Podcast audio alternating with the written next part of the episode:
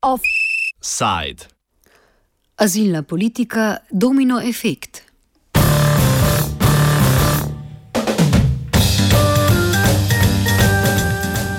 Luči nezadostnega in neusklajenega reševanja begunske krize strani Evropske unije je danes na Dunaju potekal vrh, ki so se ga udeležili predstavniki avstrijske vlade in občin ter glavari zvezdnih dežel. Politika je bila dokaj enotna glede uvedbe begunskih kvot in sicer sprejetje 30 tisoč beguncev letno, pri čemer številka za leto 2016 ostane pri 37 tisoč 500.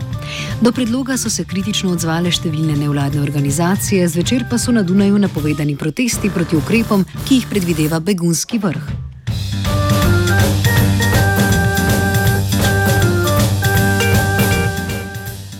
Avstrija je sicer z današnjim dnem začela z izvajanjem strožjega nadzora na meji. Tako lahko mejo prečkajo le še begunci, ki nameravajo v Avstriji ali Nemčiji zaprositi za azil. Včeraj je Beograd obiskal tudi domači zunanji minister Karl Erjavec, ki je oblastem predstavil Cerarjev načrt za upravljanje z begunsko krizo. Beograd pa je seznanil tudi z avstrijsko in nemško namero. Srpske oblasti so Jarjavčevo navodila vzeli resno in že danes na meji začele zavračati begunce, ki se ne izjasnijo ali bodo v dveh germanskih državah zaprosili za azil.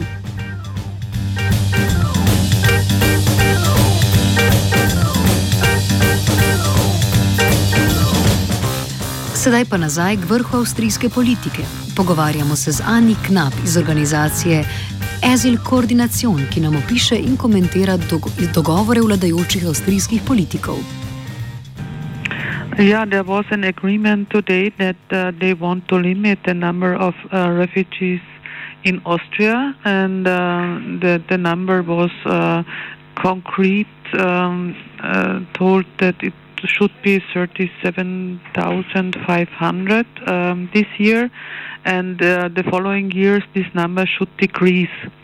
And uh, included in this number, there are also um, family members who have the right to um, to come uh, to their um, refugees that already got the status this is uh, more or less problematic because uh, it is not clear how you will uh, do such a restriction uh, of, of, access uh, to the asylum system uh, with the, the obligations Austria has vis-à-vis um, the Geneva Refugee Convention or um, other instruments um, adopted by Austria too and um, European law like the European uh, Human Rights Convention that uh, um, prohibits to return people uh, into a situation of danger or torture. So um, if we if we start to uh, close our frontiers because a certain number of refugees already uh, would have arrived, then um, we cannot uh, be sure that uh, we um, are in line with the human rights obligations or we uh, would violate uh, the non-refoulement principle because we see there is a, a domino effect.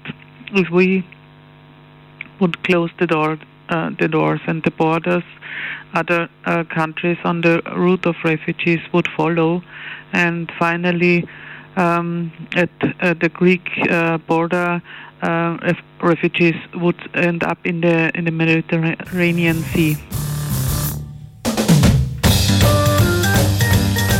Avstrijsko vlado sestavlja koalicija rdečih socialdemokratov in konzervativne ljudske stranke.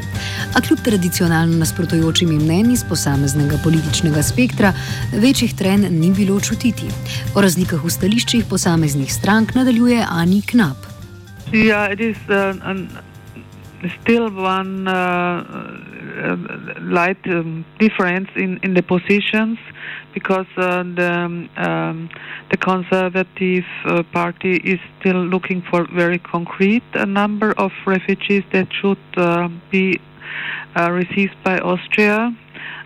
while the Social Democrats still speak about a value um, that is more or less an orientation and uh, they also agreed that they will have a, a legal opinion of, of uh, experts um, if this um, uh, limited number uh, is possible to implement or not.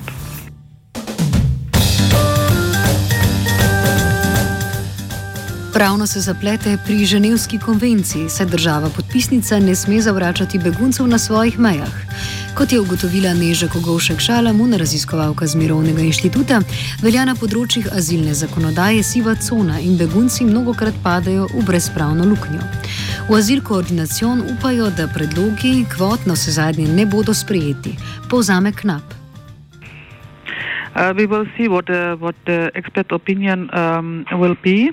This is the first step, and um, finally, I think it will not be possible to um, close the doors if uh, uh, yeah more than 37,000 people uh, arrive uh, during the year in Austria because uh, practically it is not um, really possible to send people uh, immediately back.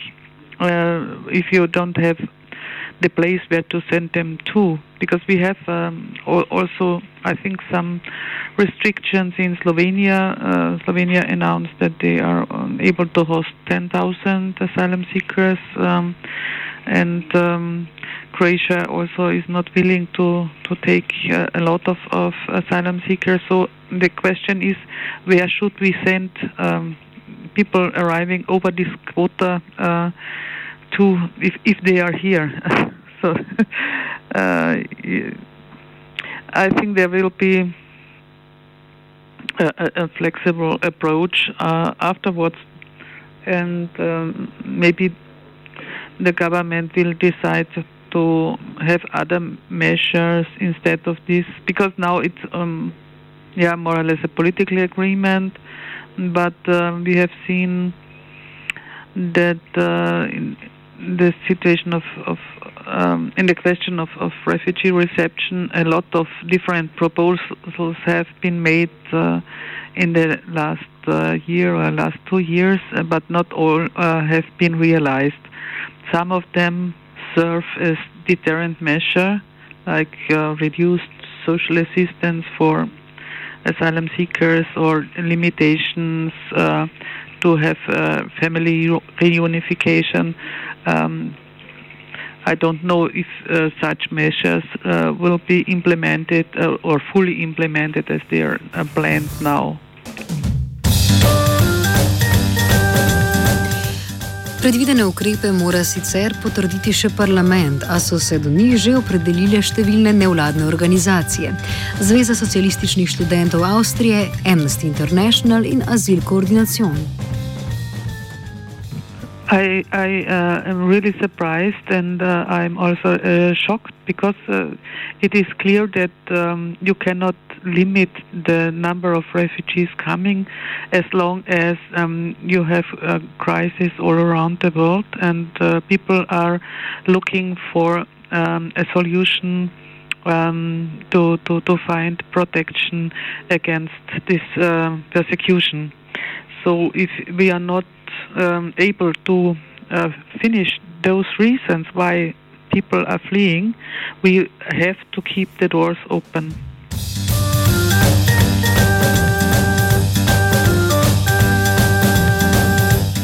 Zaključimo s konkretnimi odzivi nevladnih organizacij na begunski vrh. Zvečer so na Dunaju napovedani protesti, nevladniki pa bodo za preprečitev vladnih ukrepov ubrali tudi pravne poti. Nayavi, we already uh, submitted our um, opinion um, when the government, um, uh, the Ministry of Interior, uh, presented its its proposal for law amendments, and we also had uh, some political discussion rounds um, regarding these proposals. They are uh, not, they have not passed the parliament yet and I hope that um, the um, uh, they will not be approved by the parliament. Uh, and uh, yeah, just uh, as immediate uh, reaction, there will be uh, a, demonstration this evening in, in Vienna, and um, on the long um, term, I think we will have to uh, also look if if uh, these proposals are implemented, if it's possible to um, have legal instruments to combat these uh, decisions.